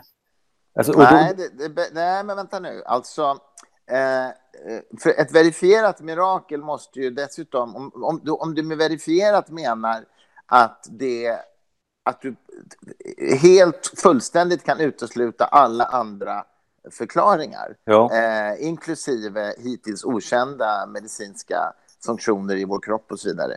Och då, då, då håller jag med dig. Det är bara det att det går ju inte. Det går ju inte så att säga rent kunskapsteoretiskt eftersom vi, vi vet att vi inte vet allt om medicin, om du förstår vad jag menar. Så att det, det, det kommer ju aldrig att ske. Det är helt omöjligt att göra en sån verifiering. Vi kan bara komma så långt som att säga att vi begriper inte hur det här gick till. Det är det enda vi kan säga. Och då säger vi samtidigt att, och då har du ju samtidigt, tänker jag, sagt att, att alltså, då, då blir det ju ett cirkelresonemang. Va? För då finns, då finns det ju ingen, då, då, då, då, är ju din utgångspunkt eh, sådan att det inte går att, att rucka på den. Va? För då, då finns det ju inget vittnesbörd eh, eh, av någon slag från någon människa som skulle kunna ändra den Jo, ståndpunkten. jo, jag håller inte med om det. Jag, jag menar att om du, precis som med alla vetenskapliga experiment, det räcker inte att man gör ett experiment en gång och sen påstår man att man har gjort en ny upptäckt, utan experiment måste vara replikerbara, producerbara av andra forskare under liknande omständigheter för att på sikt vinna gehör i det vetenskapliga communityt, så att säga. Och då menar jag så här, att om du med rigorös vetenskaplig kontroll kunde påvisa en mycket stark statistisk korrelation mellan eh, medicinska skeenden som medicinen absolut inte kan förklara och bön. Om du kan påvisa en väldigt sån stark kausalitet, upprepade experiment många gånger, massor med amputerade ben växer ut så fort någon, någon ber för den här personen, då menar jag att då skulle du ha extraordinära evidens för ett extraordinärt påstående. Men, det, men där är vi ju uppenbarligen inte än. Eh, Där är vi, vi verkligen inte. Eh, Nej. Och, men jag, och jag bara blir lite... Alltså för det har gjorts, vi har ju gjort, har gjort sådana försök till och med. Ja. Eh, men För, men det finns ju, Harvard har publicerat några sådana här eh, försök med, när det gäller hjärtkateteriseringar och, och, och lite annat. Där, där man inte har kunnat visa en statistisk signifikans Ja. mellan, mellan, mellan resultat för bön och så. Men för Ja. mig, jag, jag, trodde, jag trodde att vi, att vi talade om lite andra saker, om mirakel överhuvudtaget är möjliga. Men, men, men, men, men, men eh, eh, Mikael, där, där höll du inte alls med om, om mitt begynnande resonemang. Kan du förklara det där? Det, det var inte resonemanget som så som inte höll med, utan du sa att mirakler är till sakens natur eh, väldigt ovanliga. Visst var det så du sa? Ja, just det. Eh, ja. och, och, och det är det jag inte håller med om, utan där håller jag med Christer om att så som jag använder ordet mirakel, och vi använder ordet olika, Eh, så du, du kanske har en, en annan mirakeldefinition och då är det helt okej. Jag ville bara förtydliga att det är inte så jag resonerar i boken. Min mirakeldefinition är övernaturlig händelse. Och man kan tänka sig, det, det kanske inte är så i vår värld, men man kan tänka sig att övernaturliga händelser sker konstant, hela tiden. Så, så, så i den bemärkelsen måste inte mirakler vara ovanliga. Sen kan det vara så att vi upplever dem som ovanliga, delvis för att ja, vi lever i ett väldigt sekulärt land. Eh, men sen kanske också för att vi har skygglappar och att vi ständigt eh, beskriver sånt som egentligen är mirakler som ja, men, det här kommer vi hitta någon naturlig förklaring till i framtiden. Så det var bara det jag ville påpeka. Att jag tror inte att mirakel måste vara ovanliga, utan man kan tänka sig att mirakler sker ganska ofta. Eh, och om man ska tro människor, alltså tro syskon, i Afrika, stora delar av Asien, Latinamerika, de hävdar just det. Alltså, vä- väldigt många karismatiker i majoritetsvärlden hävdar att mirakel är, är vardagsmat och att de ser jättemånga mirakel. Eh, sen kan de ha fel, men det, det behöver inte gå emot mirakeldefinitionen. Sofia, du som allmänläkare, vad är ditt perspektiv på hela konceptet som vi diskuterar här idag? Eh, ja, alltså... Eh, alltså jag, jag, jag tänker... Alltså mirakler... Alltså det blir ju på något vis, ja men mirakler, är det mirakler i sig vi diskuterar? Alltså mirakler oberoende av tro, oberoende av, av vad man... Eh, utan man bara, att det händer någonting som man inte kan förklara. Är det det som vi säger är ett mirakel? Eh, eller är det, pratar vi, alltså jag tänker just på definitionen, eller pratar vi nu om mirakler där vi tror att jag tänker att det, såna, vi har pratat om det också, att ja, men sådana mirakler sker ju också. Alltså där, där man inte ser att ja, men man tycker att här har, hade direkt någon gud varit in, alltså, alltså Gud varit inblandad. Eller pratar vi om mirakler som nu är direkt kopplat till att, att man har bett och det finns en förbön och man, har en, alltså man tror att det finns en Eh, alltså tro på Eh, alltså att, att det är utifrån ett gudsperspektiv, man tror att det är Guds ingripande. Eh, eh, och, för jag tänker att det är lite...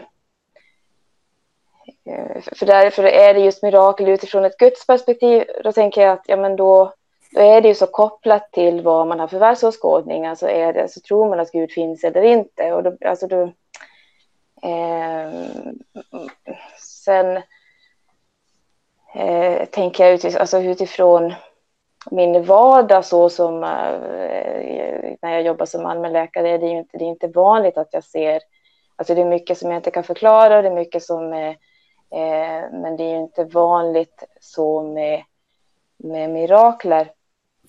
Eh, och eh, sen kan man kanske hoppas att det skulle eh, Ja, alltså jag, jag, tänker det är väldigt intressant det här varför, varför sker det så få mirakler i, i Sverige jämfört med, alltså, och, och sker det, är, det, är det så eller är det att de som är eh, alltså utomlands, eh, jag tror ju ändå att, att det sker få, eh, men om man säger, pratar om helande, alltså, vad ska man säga,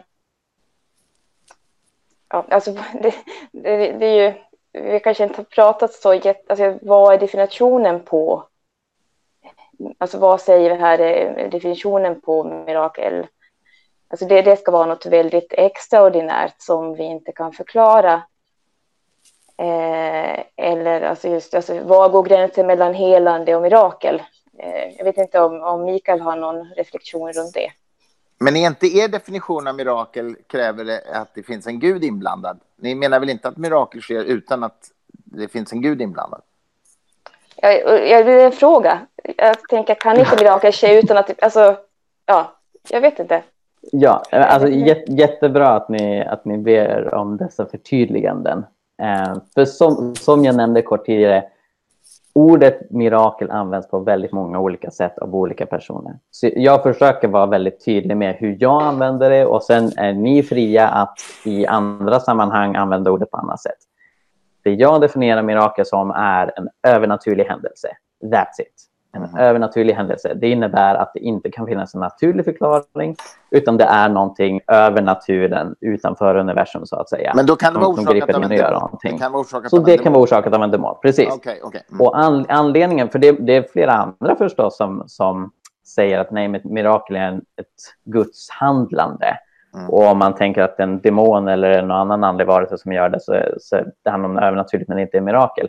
Anledningen till att inte jag använder den definitionen det är ju för att när jag har argumenterat för miraklers existens så går jag vidare och argumenterar för Guds existens utifrån detta. Mm. Och det resonemanget har vi som sagt inte haft tid riktigt att gå in på djupet, för det är också en jättespännande diskussion. Eh, men sen skulle jag också bara vilja, och, och, och, av den anledningen också ska jag säga så, när jag säger helande så menar jag ett mirakulöst tillfrisknande. Så i den bemärkelsen så gör jag inte så stor skillnad mellan helande och mirakel, just att helande har med kroppens tillfrisknande att göra.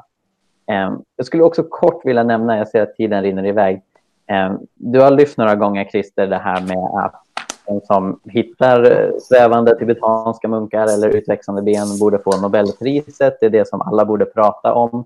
Eh, och, de skulle och, få det. De skulle få ja, men precis, precis. Att det, det, det, skulle bli världsnyhet och så vidare. Jag har funnit väldigt mycket som tyder på att forskningssamhället är otroligt ingrott i metodologisk naturalism. Eh, vilket gör att det finns en väldigt stor resistans. Det, det, är min upplevelse. Du kanske har en annan upplevelse. Men om man till exempel tar Candy Gunther Browns studie som publicerades i Southern Medical Journal eh, så fick ju tidskriften massa kritik för att de publicerade artikeln. Och in, inte på grund av liksom metodologiska klagomål utan just för att nej men, vi kan ju inte öppna upp för att bön skulle fungera. Samma sak, Läkartidningen i Sverige har skrivit om bönestudier i USA och skrivit saker som tack och lov så sker det här inte här, därför att vi kan inte släppa in sån här pseudovetenskap. Eh, de antropologer som Lars Gunther nämner och som jag också skriver om i boken som har frångått metodologisk naturalism lite grann och är öppna för att kulturella grupper som de möter upplever genuina övernaturliga händelser. Mm. Det är en väldigt intressant trend som, som håller på att växa där, men det har inte tagits in i resten av vetenskapssamhället, utan det finns en övertygelse om att om man behandlar det övernaturliga som en hypotes så kan det inte vara seriös vetenskap. Nu lämnar jag över till dig.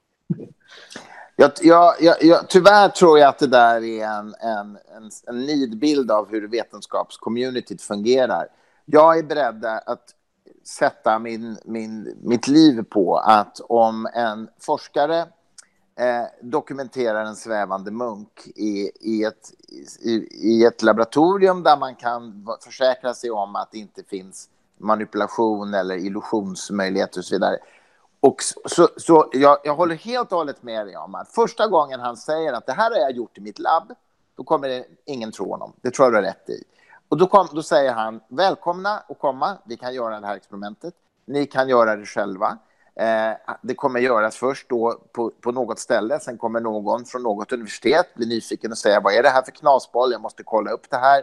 Eh, och så, så säger han shit, det funkade. Och sen kommer fler och fler forskare göra det det alltså forskarsamhället älskar att bevisa eh, en forskare älskar att bevisa att en annan forskare har fel. Det är precis så som den, det är så som den vetenskapliga metoden fungerar, själva process, processen.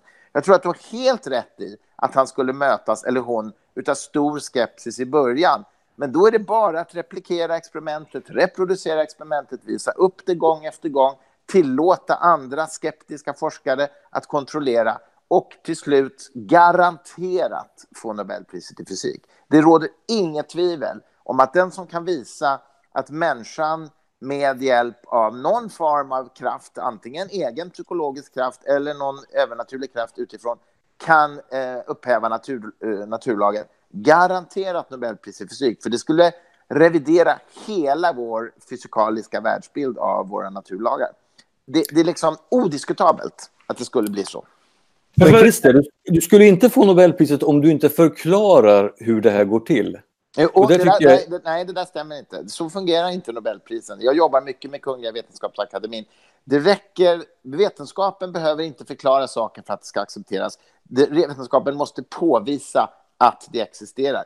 Vi har idag en kvantmekanisk teori som är oerhört kraftfull den är inte förenlig med Einsteins allmänna relativitetsteori. Båda är ändå helt och hållet Nej. accepterade. ja, men jag håller med dig om det, men, men, du måste ha en teori i alla fall. Alltså, om du, att visa att munkarna leviterar, det skulle inte räcka. Du måste ha en teori.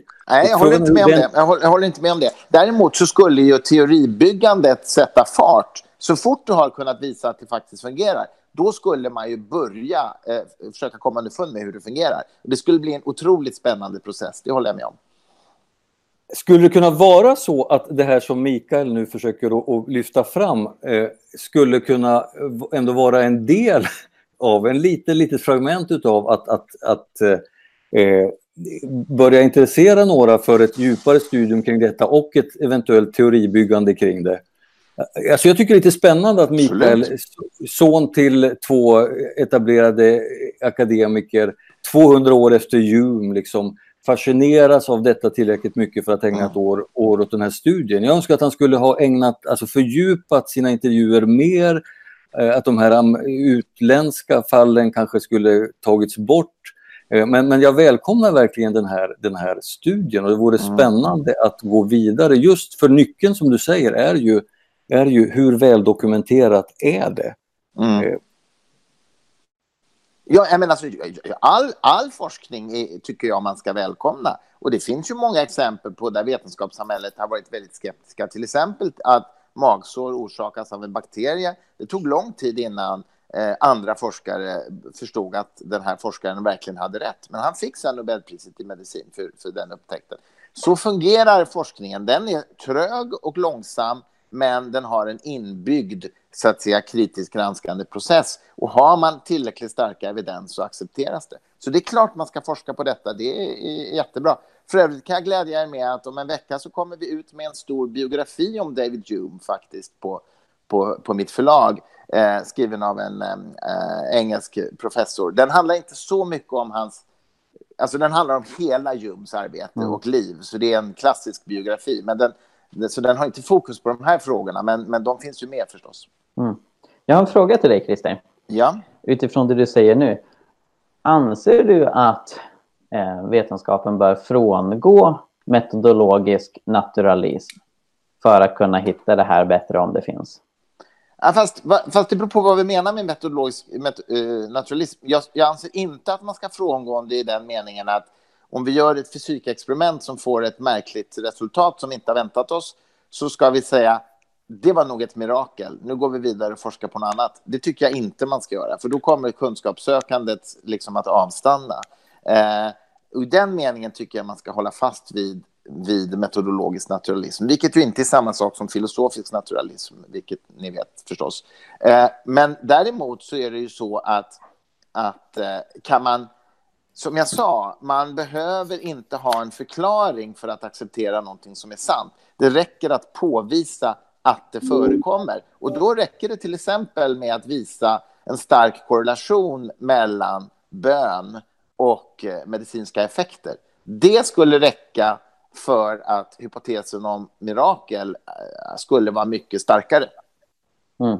Nej, men det, är det, och det, det är det som Kendra Gunther Brown försöker med och som hennes man Joshua Brown ganska nyligen fick en eh, ny artikel publicerad i medicinsk Mm. tidskrift eh, som tittar på att tillfriskna en 16-årig pojke.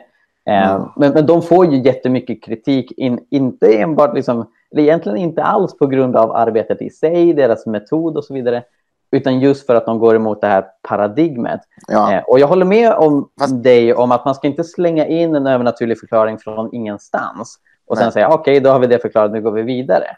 Eh, problem, problemet är ju godtyckligheten snarare än att det övernaturliga i sig skulle vara en oacceptabel Fast det hypotes. ja, nej, just det. Men, nej, men, ja, och det, men, men det räcker inte med att göra case studies. Du måste göra dubbelblindtester, precis det som ni talade om tidigare, med stora statistiska grupper. Och du måste ha en placebogrupp och en, så att säga, du måste ha en grupp på tusen personer som ingen ber för och sen en grupp på tusen personer som, som, som man ber för. Och så måste du jämföra. Och nollhypotesen är då att du inte, att du inte får någon effekt.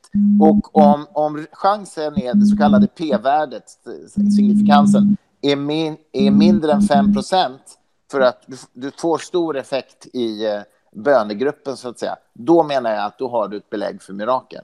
Detta har då inte eh, skett. Ja, och det- om jag får kommentera det jättekort, jag ser att Lars också vill säga någonting. Eh, det finns väldigt stora metodologiska utmaningar med det, jag tror inte det är omöjligt. Dels är det jättesvårt att garantera att någon inte får bön. Ja, jag visste. Eh, jag visste. men sen, sen så bygger också det på att eh, helande fungerar som ett mekaniskt preparat ungefär.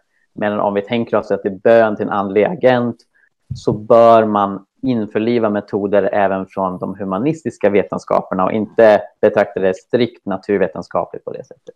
Men Lars, ville du säga någonting? Ja, jag tänkte bara säga Lars, du kommer ju ha en fråga till Christer förstår jag. Så jag tänker ställ den, sen får Christer svara och sen behöver vi börja avrunda med en liten slutreflektion från samtliga. Ja, nej, jag är inne på precis det som Mikael sa på slutet, nämligen frågan om eh, metod. Alltså vetenskapen har ju liksom ett område, om vi pratar naturvetenskapen, med de här AB-testerna, dubbelblinda tester inom medicinen, eh, upprepade säga, körningar i partikelacceleratorn i CERN och så vidare. Men, men det som är min metodfråga här, det är finns det någonting som är oregelbundet? För Christer pratar nu ganska mycket, som jag tolkar det då, om att vi måste kunna upprepa det här igen och igen och igen i ett laboratorium. Och då säger jag att då kanske det inte är mirakel vi hittar, då är det kanske en för oss okänd femte naturkraft eller något liknande. Därför att just lagbundenheten i sig som du efterlyser Mm. är ju definitionen på någonting som inte är ett mirakel. Alltså om det vore så här att varje gång vi bad för något, för någon som var sjuk, att den personen alltid blir frisk på ett Mm. förutsägbart sätt. Ja. Då skulle jag säga, vänta lite nu, det där är faktiskt inte mirakel, för det är nämligen Mm. lagbundet. Ja, men vänta nu. Ja. Al- Alltså, medicinska tester, medicin är ju inte lagbunden överhuvudtaget. Medicin är ju, det, det kan läkarkollegorna här bekräfta, medicin är ju väldigt individuellt. Så att när du gör tester utav en ny medicin till exempel mot någonting, spelar ingen roll vad egentligen, så får du ju väldigt olika utfall på individnivå. Det är därför du måste ha stora kontrollgrupper, alltså du måste ha stora grupper, statistiskt signifikanta grupper och, och motsvarande stor eh, placebogrupp, alltså kontrollgrupp, så att du kan göra dubbelblinda tester. Och du måste kunna replikera det på olika sätt. Så medicin är ju absolut inte lagbundet. Fysik är lagbundet, det håller jag med om, även om kvantfysiken ställer till det på vissa punkter. Men that's another story, det kanske vi inte ska ta nu. men i övrigt så är, det, är den ju lagbunden, men inte medicin. Och då menar jag alltså att eh, kanske använder ordet lagbundenhet lite grann, alltså in, inte i betydelsen den här obenhörliga exakta, alltså klart att människokroppen är väldigt komplex och mänskliga Mm. psyket är väldigt komplext. Så att här finns det som en, en mängd variabler som man i ett fysikaliskt experiment i CERN till Mm. exempel då, Ja. kan plocka bort. Och det är inte riktigt det jag menar. Men jag, jag menar ändå att det finns en eh, säga, ändå så att man kartlägger med ett säga, piller, att det ändå har någon slags form av effekt som kommer trycka resultatet åt ett tydligt håll. Jo, men jag, alltså, jag menar, när du gör dubbelblindtester med med mediciner så, har, så, så är det ju som jag säger att du har väldigt olika individuell effekt. Men om du har en grupp på tusen personer och så har du en tusen andra personer som får placebo, alltså sockerpiller, då är det ju så att nollhypotesen är ju då att det här inte funkar. Det är nollhypotesen. Och eh, om du får ett, ett, utslag som skiljer sig så mycket från placeboutslaget, för placebogruppen kommer också ha effekt nämligen. De kommer också bli bättre eh, upp till en viss nivå för att placebo funkar. Eh, men den andra gruppen måste bli så pass mycket bättre så att chansen att nollhypotesen är sann, det vill säga att preparatet inte funkar, måste vara mindre än 5% Det är det så kallade p-värdet som man använder som praxis. Om det inträffar, då vet vi att medicinen har effekt. Det behöver inte betyda att det funkade på varje person. Det är, det är, det är lätt, alltså, teoretiskt sett lätt att göra ett sånt experiment på bön. Naturligtvis. och, och då menar jag att det, det är skillnad på att göra en bönestudie och ställa frågan sker mirakler. Alltså jag menar att den metoden du beskriver är inte rätt metod, men nu börjar tiden gå så att och Jag förstår var- inte varför det inte skulle vara det. Om du ber för en stor grupp människor som har någon form av åkomma och sen så ber du inte för en annan grupp som har samma åkomma. Så eh, jag förstår att man kan inte tvinga folk att inte be för en annan person. Det, det är ju ett problem. Men rent metodologiskt är det inga problem att ställa upp ett sånt experiment. Det är ju precis samma sak som dubbelblindtester inom medicin. Och då menar jag att eh, här är det då så många variabler som du inte som forskare kan kontrollera att det blir ett dubbelblindtest. Alltså som sagt, hur skulle du kunna veta att det inte finns en from faste någonstans som ber för den som finns i en andra grupp och så vidare. Men, eh, men återigen så, så när vi pratar om de här dramatiska casen, alltså som ben som materialiseras något liknande som Mikael hade då med, med röntgenplåtar i, i boken. Eh, så menar jag att då, då måste vi faktiskt titta på vad är det som till synes har hänt i det fallet. Men du, vänta en annan- du- en annan får jag- Får jag bara fråga om det här experimentet? För jag tycker ändå det är intressant. Du säger vi kan inte veta att inte en from, from faste någonstans ber för någon i den andra gruppen. Men om du har en tillräckligt stora grupper och så vet du att den ena gruppen ber eh, lika många personer ber. Man kan ju säga att du har tusen personer som ber för varje individ i den ena gruppen. Då kan du ändå vara säker på att det är en större bönekraft, om det nu hade funnits en bönekraft, för den ena gruppen än för placebogruppen. Och då, då tycker jag fortfarande att experimentet går att genomföra. Så här, här kommer teologi in. Ja, inte så som man beskriver kristen bön, för kristen bön handlar inte om att vi med så att säga, eh, tillräckligt många timmar lagda på bön tjatar om kull Gud. nej, nej, det förstår jag också. Ja. Och jag, jag, jag, kan säga att jag skriver om allt det här i kapitel två, om de olika metoderna och så vidare. Eh, Galton, eh, Darwins kusin, argumenterar på 1800-talet för att bön inte fungerar därför att alla kyrkor i England ber för kungahuset, för deras hälsa. Så de borde ha mycket bättre hälsa än alla andra. Han fann att så inte var fallet och därför var bön motbevisat. Och då utgick han just från att mängden böner är det som ja. spelar roll. Men det skulle innebära att Gud privilegierar rika och kända personer, vilket det finns teologiska problem med. Mm, jag hoppas att det gör det. yes. Jag har möte med Vänsterpartiet klockan 12, så att jag tänkte, så jag tänkte vi skulle börja avrunda. Men jag tänkte ni kan väl ge en slut... Du får, du får be för dem. Vad sa du? Du får väl be för dem. Så. Ja, absolut. Det verkar vi behöva efter det senaste valresultatet. Ja, det kyrkans årskonferens som är system till som det är. Så att, ja, Jönköping. Men jag tänkte, vi kan väl avrunda med en liten slutreflektion bara kring vad vi tar med oss från dagens samtal.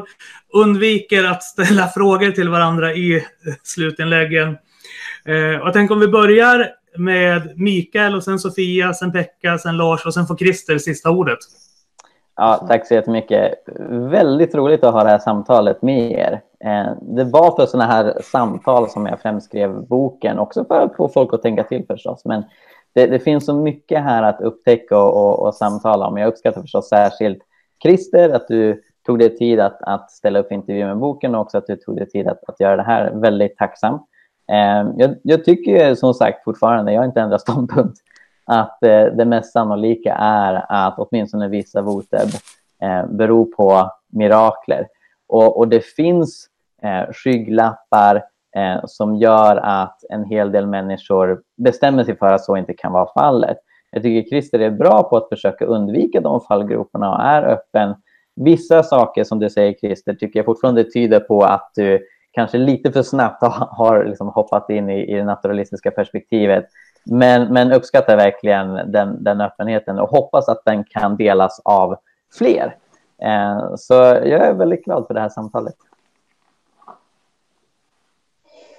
Eh, ja, jag är tacksam för att jag fick vara med och fick eh, delta i det här samtalet också eh, och få höra er, era, eh, just det här runt mirakel. Jag, jag tycker att det, för mig så känner jag att det har bara väckt ännu mera frågor eh, och att man skulle eh, just runt mirakel och hur man definierar det och så. Eh, och eh, ja, det är ja, så. Men så att gärna ett fortsatt samtal. Tack. Ja, jag är också glad att jag fick vara med.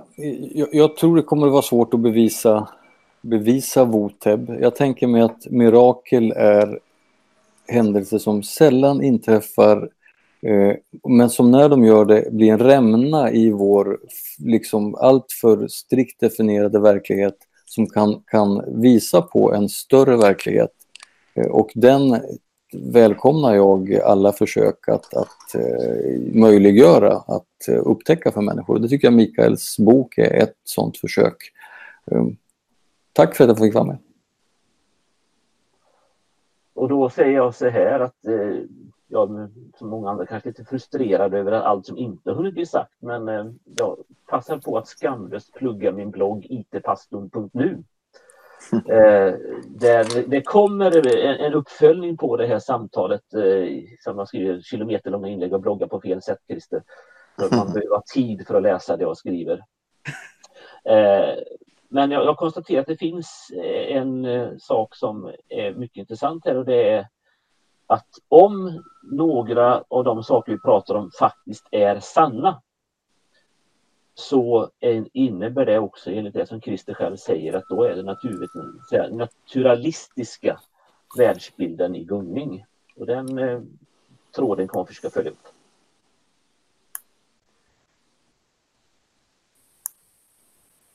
Mm, då är det bara Christer kvar. Jaha, okej. Okay. Ja. Ja. jag var inte säker, jag ser inte riktigt. Ja. Eh, nej, men hörni, stort tack för att jag fick vara med. Jag tycker också det är väldigt roligt med den här typen av samtal, verkligen. Och eh, eh, jag inser naturligtvis att syftet inte är att vi ska så att säga få varandra att fullständigt ändra ståndpunkt, men jag tror och hoppas att vi presenterar våra bästa argument för våra respektive ståndpunkter för, för de som kanske lyssnar på det här och tittar på det och som kanske inte vet vad de tycker om det här eh, ännu. Och, och det, är väl, det är väl för dem vi egentligen gör det här. Jag tycker det är väldigt viktigt att ha eh, civiliserade samtal. Eh, det är därför vi har dragit igång den här existentiella salongen, jag och Joel Halldorf till exempel. Vi brukar säga att det, det, vi vill visa att man kan vara civiliserat oense. Och det tycker jag är väldigt viktigt, eh, inte minst i denna tid med ofta ganska högt tonläge och polarisering. Så att jag uppskattar mycket eh, det här samtalet och hoppas att vi kan ha fler i framtiden. Tack ska ni ha. Amen brother. yes, och eh, jag vill tacka er som har tittat på dagens eh, avsnitt av PK Live och som Christer som sin, sitt program Existentiella salongen. Det var ju så vi började med Pennys kultursällskap också. Ja. PK Live, att vi ville motverka den här uppskruvade, polariserade tonen där man gjorde illvilliga tolkningar av sin, den andra och liksom ja, en vanlig debatt i SVT eller Opinion Live helt enkelt. Vi vill försöka skapa någon form av antites till det. Och jag hoppas att ni som följer och prenumererar på det här tycker att vi hittills i alla fall har gjort vårt bästa för att lyckas uppnå det.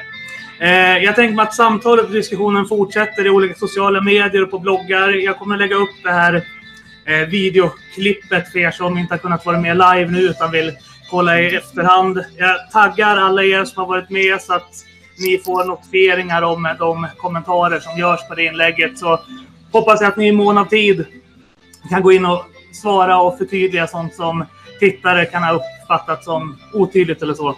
Men stort tack för att ni har varit med och eh, ha en jättefin Kristi himmelfärdshelg. Tack ska ni ha. Tack så mycket. Du får väcka din kompis också.